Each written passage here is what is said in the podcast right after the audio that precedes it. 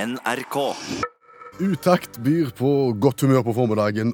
Og om litt er kaffen klar. Ja. Hvorfor er utekaffen større enn hjemmekaffen?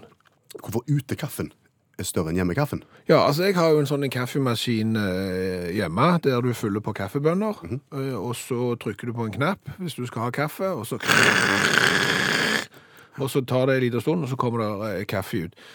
Hvis jeg da sier at jeg skal ha en vanlig kaffe, en normert størrelse kaffe, så får jeg så lite kaffe i at du vil ikke tror det. Det er jo en halv kaffekopp, og det kalles kaffe. Og dermed så følger jeg eh, stor trykker på stor knapp. Eh, Da får jeg kaffe nesten opp til toppen av en vanlig kaffekopp, men ikke så kjempemye det heller. Nei. Eh, Sånn at når jeg da skal fylle det der termokruset som jeg har i bilen og drikker på veien til jobb, Det er jo ei bøtte. eh, ja, han er, han er voksen. Ja, han er jeg er enig voksen. i det, men da må jo jeg eh, sekvenspåfylle. Først liksom en stor, og så en mellom, og så en liten kaffe til slutt, for å så klare å fylle opp dette kruset på automaten min. Mm. Og det er flere innstillinger også på denne maskinen. Har du espresso? Altså Først har jeg jo stor kaffe, kaffe, liten kaffe. Altså Liten kaffe det er så lite kaffe at det er flaut. Ja. Og espresso har jeg. Det er enda mindre kaffe, og det er iallfall flaut. Og helt på bånn liten espresso. altså liten, altså det er Som om ikke espresso var lite nok, om du ikke skal ha liten espresso i tillegg. Det er jo så kjempelite. Ha. Så maskinen har på en måte bestemt at en vanlig kaffe er omtrent ingenting. Ja, stemmer det. Men, men hvis du da går ut, for eksempel, eh, på sånne plasser som, som lever av å selge kaffe Og ikke på restaurant nå. Nei, så, så coffeeshops-greier, eller Ja, sånn, sånn, sånn ja. Mhm. Starbucks og sånn. Og så bestiller du en stor kaffe der. Mm. Da får du jo halvannen liter. Jeg har aldri sett så store kaffeer i hele mitt liv, så de selger de der store kaffeene. Og han er tynn òg. Ja, det, det skal de ha. Men, men en kaffe hjemme hos meg, en stor kaffe hjemme hos meg, det er jo så lite at det er jo nesten ingenting. Så det, det er derfor jeg lurer på hvorfor er utekaffen så mye større enn hjemmekaffen? Det er et veldig godt Ja, spørsmål. det er et kjempegodt spørsmål. Ja. Men det finnes ikke noe svar på det, tror Nei, jeg. men vet du hva, det minner meg litt, den historien din minner meg litt om eh, da jeg hadde en entreprenør Ja. på besøk for en del år siden, som, som gravde i hagen min. Mm. Veldig kraftige never, og har kjørt gravemaskin siden 1931. antageligvis. Sikker røykt rollings òg. Ja, og, og spurte om han kunne få en kaffekopp, eller jeg, jeg spurte om han hadde lyst på en kaffekopp. Og det ville han gjerne. Og jeg hadde nettopp fått en sånn en kapselmaskin. Og ja, du har ikke sånn som, som jeg har, sånn der du maler bøndene på direkten, liksom, men du har sånn du setter inni en sånn en liten Japp. dings. Mhm, Og så kan jeg velge mellom espresso, espresso, Espresso. espresso og lungo.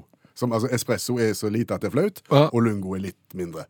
Nei, litt større. Litt mer enn flaut. Ja. Eh, men jeg, var- jeg var ikke så kjent med maskinen, så jeg, jeg trykte på espresso, for jeg tenkte det er jo det han sikkert vil ha. Så jeg gikk ut med, med en kopp espresso til. Så ser han på koppen og sier det er, noe- der er noe grut i bånn her. og så tømte han den ut. Nå kunne jeg fylle på. Men det er noe der. Ja, Og, og, og det blir jo ikke bedre i, i utlandet heller. Jeg har vært i utlandet, som jo er verdens største land, Mm. og, og de òg, når du ber om kaffe av og til, så får du noen som kopper seg så små at det er, er jo pinlig. Men igjen så går du til de som, som spesialiserer seg på kaffe, Mm. og da får du plutselig halvannen liter med krem. Kan jeg lufte en liten bekymring? Ja, ja. Jeg er litt bekymra for eh, magi- og tryllefaget. Du òg? Ja, jeg er det. Jeg og mange med meg har sikkert sett TV-programmet Trygdekontoret, der en snakker om eh, magikerne og de store tryllekunstnere som på en måte ikke har den posisjonen som de en gang hadde, at de er i ferd med å forsvinne litt.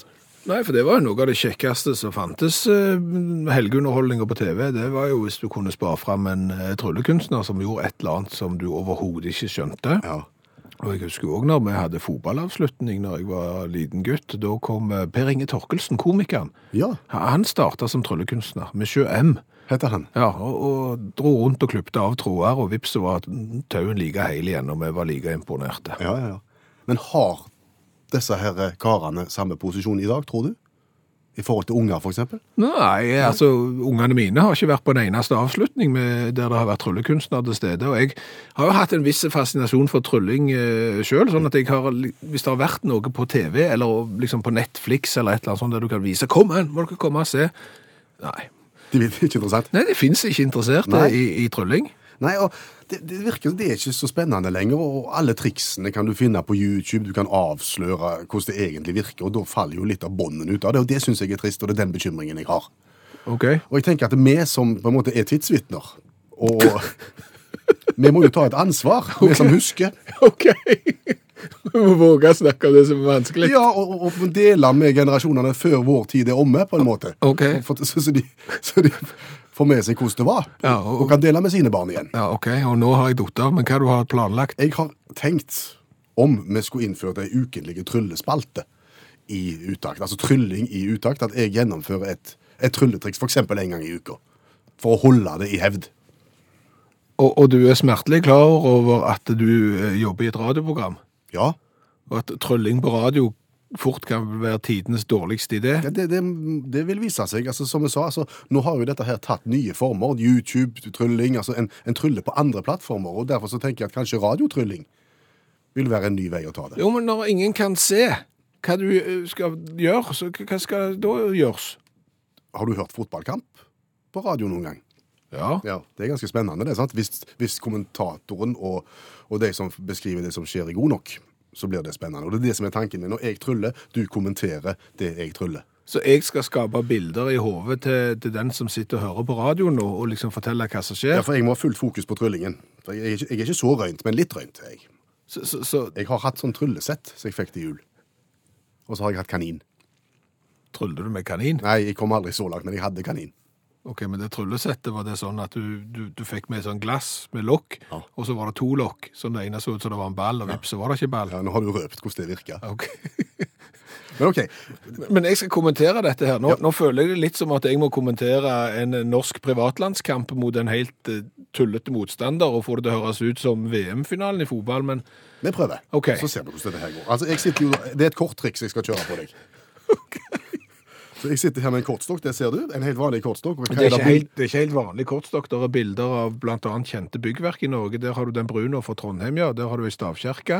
Ja, flott. Det er en stavkirkekortstokk. Det har for så vidt ikke så mye med saken å gjøre, for det er jo de vanlige kortene som er, som er et triks her. Ok, Og Da, nå skal tar, jeg bare ta og så stokke de godt først, og så da blander Per Øystein kortstokken opptil flere ganger her, ja. Og hva gjør jeg nå? Nå deler jeg kortstokken i to. Legger eh, en bunke ved siden av den andre og har delt kortstokken i to foran meg her, ja. Og nå ber jeg deg som publikummer om å trekke det øverste kortet i hver av de bunkene. Hvorfor ikke bare ett av de? Ikke spør, trekk. Ja ja, men da Altså- tar jeg de. Da har du trukket to kort, Nå har jeg trukket to kort, ja. og så vil jeg at du skal se på dem, Eh, ja. og så skal du bestemme deg for ett av dem. Hvor, hvorfor bare Ikke spør, Nei, ok. bestem deg for ett av kortene. Ja, da bestemmer jeg meg for Å Ikke se, og nå må du ikke se hva du ser på det. nei, nei, Mhm. da bestemmer jeg meg for det. Ja. Og så nå så må du huske det. Ja, selvfølgelig husker jeg det. Og så, så må du legge dem tilbake igjen på den plassen som du fikk dem, på bunker.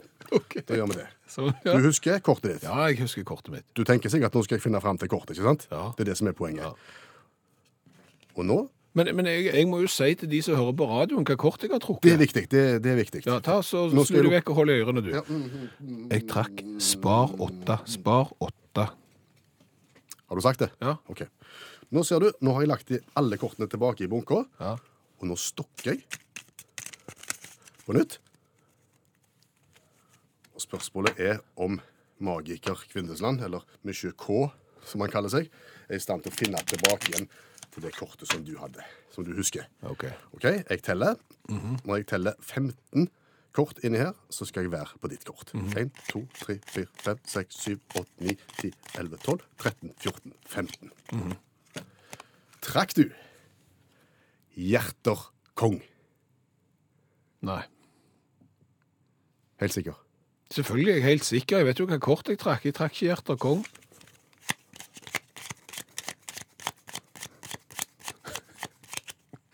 Hjerter fire. Nei. Altså, Hvis du fortsetter den leken nå 49 ganger til, så har du Er det garantert rødt eller svart? Det er svart. Nei, For meg er det, det blir bare rødt som kommer opp hos meg her. OK. Ja, Spar Altså- åtte var det. det var det jeg tenkte. Nei, vet du hva. Nei, altså eh, To utveier her. Jeg må øve mer, eller så legger vi ned hele tryllespalten. Eh, der er, jeg tror faktisk du bør slå til på begge de to valgene der. Eh, A. Du bør øve mer, og B. Vi legger ned hele tryllespalten på radioen. Og Mhm. du, så fort ukene går. Nå er det torsdag igjen. Og det betyr at du har vært i kjøleskapet. Det betyr at jeg har vært i kjøleskapet og henta fram en eh, ny cola som skal testes, for det gjør vi hver eneste torsdag. Hvor eh, skal vi hen i verden i dag, og hvor, hvem har levert oss colaen? Geir Martin Andersson fra Kristiansand han har vært i Polen og kjøpt seg en cola som han har sendt til oss. Oha, og den heter Den heter Polo Cocta. Kokta. Ja, Da ringer det i bjella. Har ikke vi vært borti Kokta Cola før? jo, nå skal jeg for fortelle, for det er litt interessant dette med Polo Cocta. For det er en eh, coladrikk som eh, starta på 70-tallet i Polen, fordi at eh, vanlig Coca-Cola var vrient å få tak i. Eh, Den måtte gjerne komme f- importert fra USA, og det var jo andre strømninger i, i Polen på 70-tallet enn akkurat de amerikanske. Ja, ja, selvfølgelig. Eh, Dermed så eh, etablerte de Polo Cocta, som var basert på den jugoslaviske coctaen. Som vi har vært borti. Stemmer det, for vi har smakt cocta. Den var ikke god. Den var kjempevond, den smakte gammel gumsokk. ja, stemmer. Ja. eh, Den var ikke bra. Eh, Så de brukte det som et utgangspunkt, lagde Polo Cocta fram til 80-tallet. Ja vel. Eh, Så la de han ned. Men så begynte det jo å bli tøft med gamle ting igjen. Eh, Dermed børsta de støv av polokoktaen, mm. ga han ut på nytt. Eh, Så fant de ut at nei, jeg tror ikke vi skal kalle han for polakokta, eh, polokokta. Så de, så de eh, kalte han for polokola. Det var jo nøyaktig den samme drikken da. Eh, Så etter en stund så fant de ut at det var kanskje ikke så lurt allikevel, Eh, så da gikk de tilbake i 2016 og kalte han for eh, Polo Cocta, og det er fremdeles det samme produktet. Akkurat. Så det har bare vært gjennom noen navneskifter, men innholdet er det samme. Men med tanke på det som vi sa om koktaen, som vi har vært borti tidligere, er det smart, tror du, av Polo å blande inn koktanavnet? Eh, Ikke sikker. Nei. Ikke sikker. Men, men, men det er veldig tøft. Den boksen jeg sitter med her er jo en eh, metallboks, 250 milliliter, med en litt sånn, kan du si litt sånn, fiffige tegning, det lukter 60-tallet av han. Og det er en kjente kunstner som har lagt den her eh, designen også eh, på, på boksen, sånn at eh, Kasia Boguka, Ja, vi kjenner han. hun. Hun kjenner vi godt. Eh, Så, så det er jo stilikt. Ja, ja. Ja. Spørsmålet er om eh, smaken står i stil med designet på utsida. Da åpner vi. Ja. For eventuelt nye lyttere så kan jeg jo fortelle at vi har vært innom over 150 varianter av cola fra hele verden. Og dette gjør vi altså hver torsdag. Og så smaker vi først og gir karakter fra 1 til 10. Og så tar vi designet etterpå. Og for deg som ikke liker smatting i radio, bare lukk ørene i fem sekunder.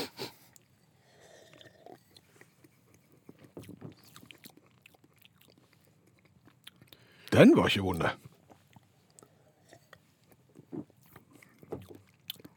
De har klart å døyve det verste av cocktail. Det var ikke, mye, det var ikke noe kokta igjen her. Nei. Det er mer polo enn kokta. Mye mer polo enn cocktail, og det gjør de lurt i. Jeg er ikke sikker på det. Polo er jo ikke tøft verken som bil, klesplagg eller idrett, så jeg er litt usikker, men Han er ikke mer enn han må være. Han er litt spesielle. Han får litt sånn medisin etter smak, kjenner jeg nå, når du har hatt han i munnen en liten stund. Så for meg så kan han ikke få mer enn fire i smak. nei, jeg har ingen problemer i den fem. Det er... Og hvor kult er dette? Kjempekult. Ja, veldig stilig boks på alle mulige måter. Eh, Åtte i design Ja, for meg. men, sj, åtte. Mm. Det er enig i det. Nå er det sikkert de som lurer, kan en cola komme høyt på lista bare fordi han er kul? Det kan han faktisk, eh, og det er litt sånn er det bare. 12 pluss 13. Nei, 16 pluss eh, 9. Ja, det blir det samme. 25 poeng, og det er en helt akseptabel eh, poengsum. Skal du til Polen, ingenting i veien for å smake på polokokta. Nettopp. Har du lyst til å se bildet av eh, polokoktene og alle de andre variantene vi har vært innom, så har vi en god idé. Ja, da går du inn på Facebook-gruppa vår, søker opp Utakt. Vi ligger under NRK P1 der. Der ligger vi som gruppe, og der ligger alle 152 bildene. Så da kan du se hvordan de ser ut, og skal du ut og reise, så kan du jo se om det er noen du bør prøve deg på. Ja, og Har du en god bit som du har lyst til å sende til oss, så blir vi jo veldig glad for det. Men, men gå inn og sjekk om vi har vært igjennom den før, så slipper du å sende bom. Vi utfordrer hverandre hver dag til å skrive ei bitte lita revyvise på 27-28 sekunder på denne melodien til et eh, aktuelt tema. Mm. Eh, vær så god, Bjørn Olav Skjæveland. Tusen takk. Eh, Jeg må si jeg har hatt problemer med å bestemme meg i dag, for det har vært så kolossalt mange interessante saker Ok. Mhm. ute i utlandet, som jo er verdens største land. Hvor har du vært eh, innom? Ja, altså Først så var jeg jo i bydelen USA. I bydelen USA, Ja, av, av verdens største land? Ja, Ja. eh, eh, fordi at eh, der er det nemlig en som har kjøpt seg et gammelt fotografi på eBay Det er jo sånn en eh, Internettauksjon, på en måte. ja, nettsted. Han betalte da eh, 10 dollar for dette bildet. Det er ikke mye. Det er ikke mye. Det er jo en 70-80 kroner eh, der omkring. Eh, Det viser seg at det bildet kan være verdt så mye som 2 millioner dollar. Oi, da begynner det å bli mye. Da begynner det å bli mye. Da er vi på 15-16 millioner kroner.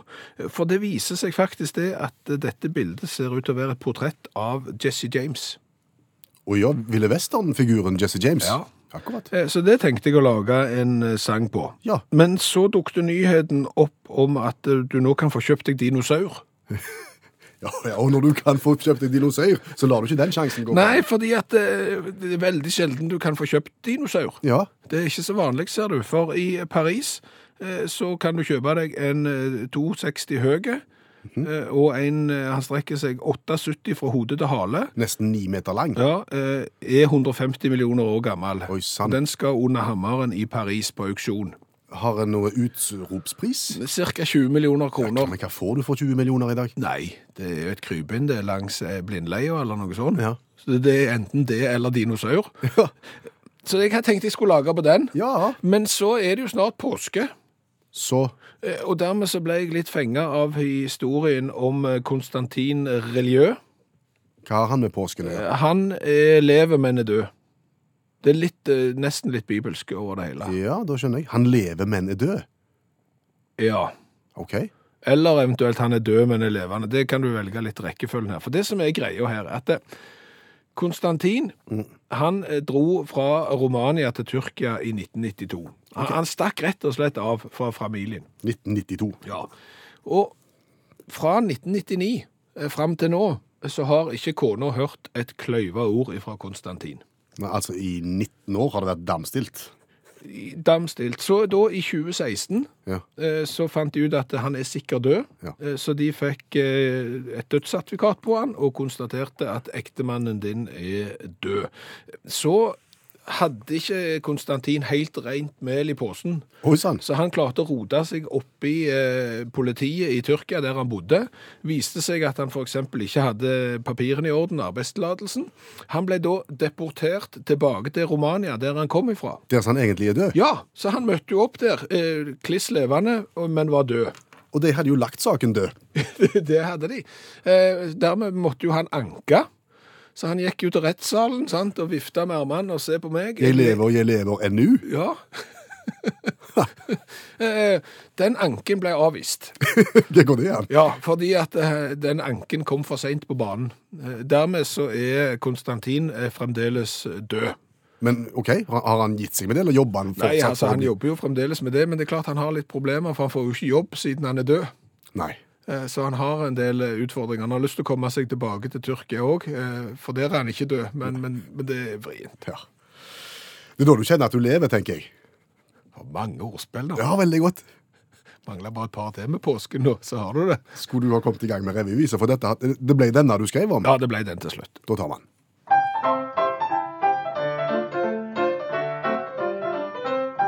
Konstantin er som Jesus, han lever, men er død, og horisonten er så langt fra rosenrød. I Romania satt kona atten år religiø, han stakk, og åra svant fra hans og hennes almanakk. I 2016 gikk han altså av med livet, selv om han tydelig og klart er godt i drivet. Nå har retten talt, og Konstantin er fortsatt kald som is. At han lever er indisie bevis. Skal vi rett og slett bare kjøre av vignett? Mm. Kjære menighet. Da ble jeg flau, da. Det har vist seg at vårt forsøk med å gjenoppta eh, spalten Da ble jeg flau, da, det har blitt en suksess. Ja, eh, fordi at eh, når vi vokste opp, eh, så hadde alle ungdomsblader med respekt for seg sjøl. De hadde jo eh, noen plasser der du kunne spørre de voksne så, som drev bladet, om ting. Ja. Eh, og det var jo blant annet sånn 'Jeg er en jente på 14 år, er jeg normal?' Eh, og så var det en voksen mann, sikkert på 58 eller noe sånt, som satt og røykte inne på kontoret og, og svarte så godt han kunne. Eh, og på de sidene så, så var det òg en spalte som var 'Da ble jeg flau', da. ja. Der folk eh, sto fram og fortalte om, om øyeblikk. Som hadde med en idé for noen uker siden. Skal vi prøve å se om vi kan gjenskape? Vil folk dele med oss den type opplevelser? Og svaret er jo et rungende ja, og mer har det blitt i det siste. Absolutt. Det er ikke selvhøytidelighet bal- blant, eh, blant folk. Og, og folk har sendt inn på mail og på SMS og lagt inn historiene sine på Facebook-gruppa vår, så, så dette bare baller på seg. Mm. Så vi tenkte vi skulle ta en ny en i dag. En historie fra Vigdis. Jeg leser. I min ungdom jobba jeg på kafé i Porsgrunn. Dette var tidlig på 80-tallet, og da var det tillatt å røyke i kafeen. Min jobb besto i å betjene kasse, lage smørbrød osv., og men også rydde av bord ute i lokalet. Det var som regel fullt av gjester i kafeen på formiddagen, og det var mye å gjøre.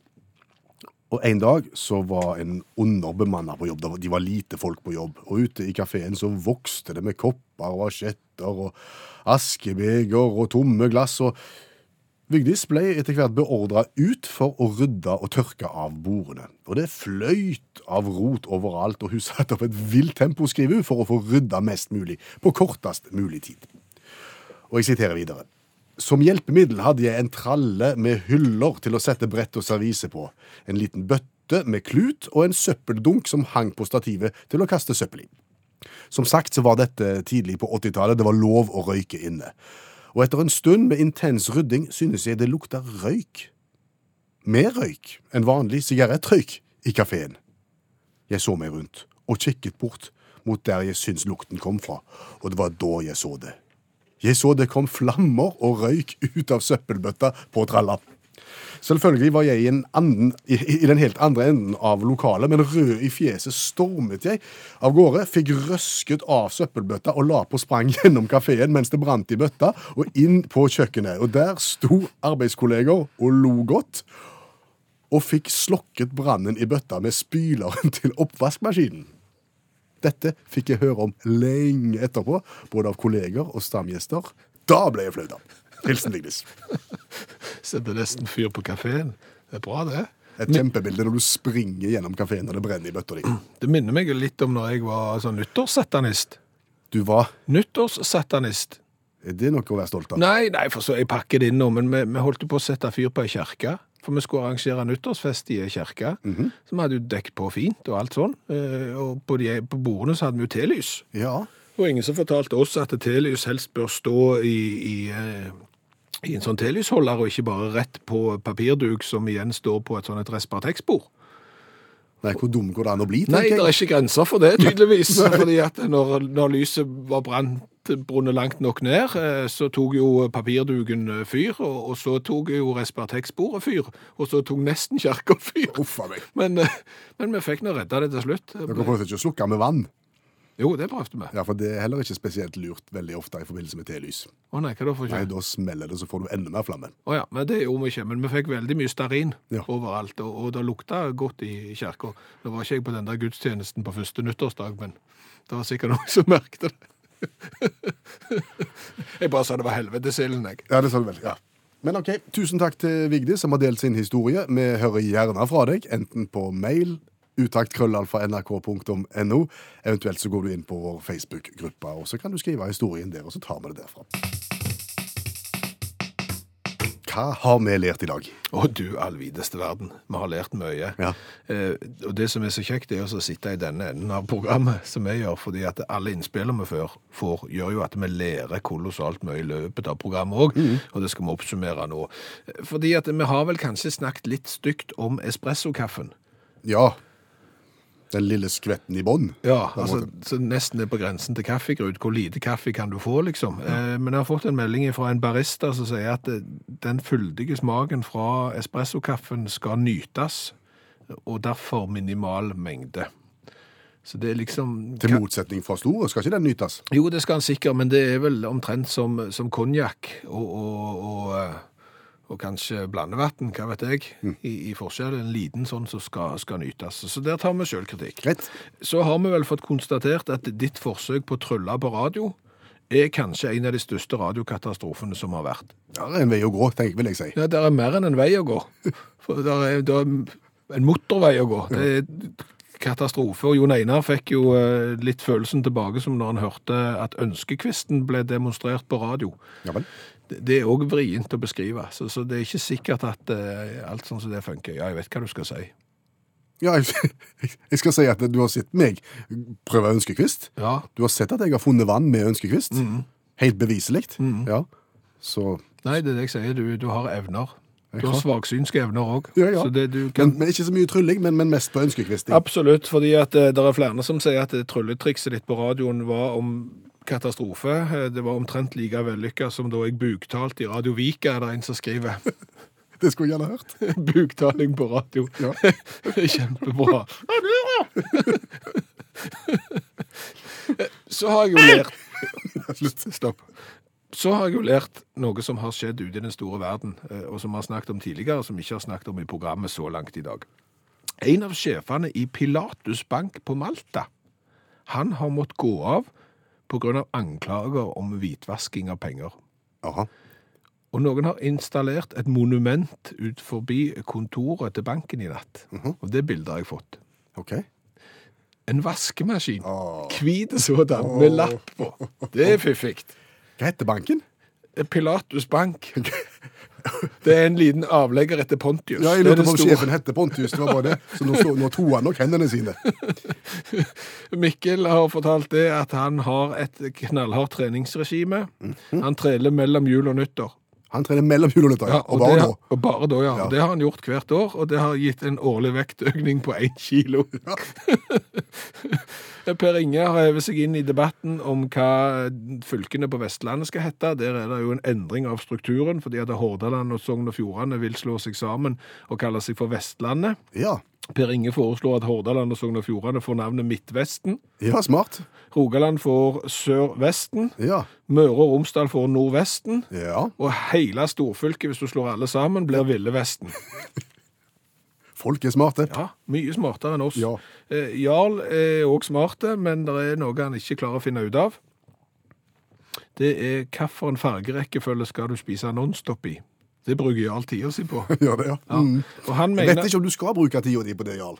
Egentlig. men Jarl mener at skal du spise nonstop i fargerekkefølge, så spiser du svart, brun, grønn, oransje, rød og til slutt gul. Hvis Jarl syns det er rett, så er nok det rett. Ja. Hør flere podkaster på nrk.no podkast.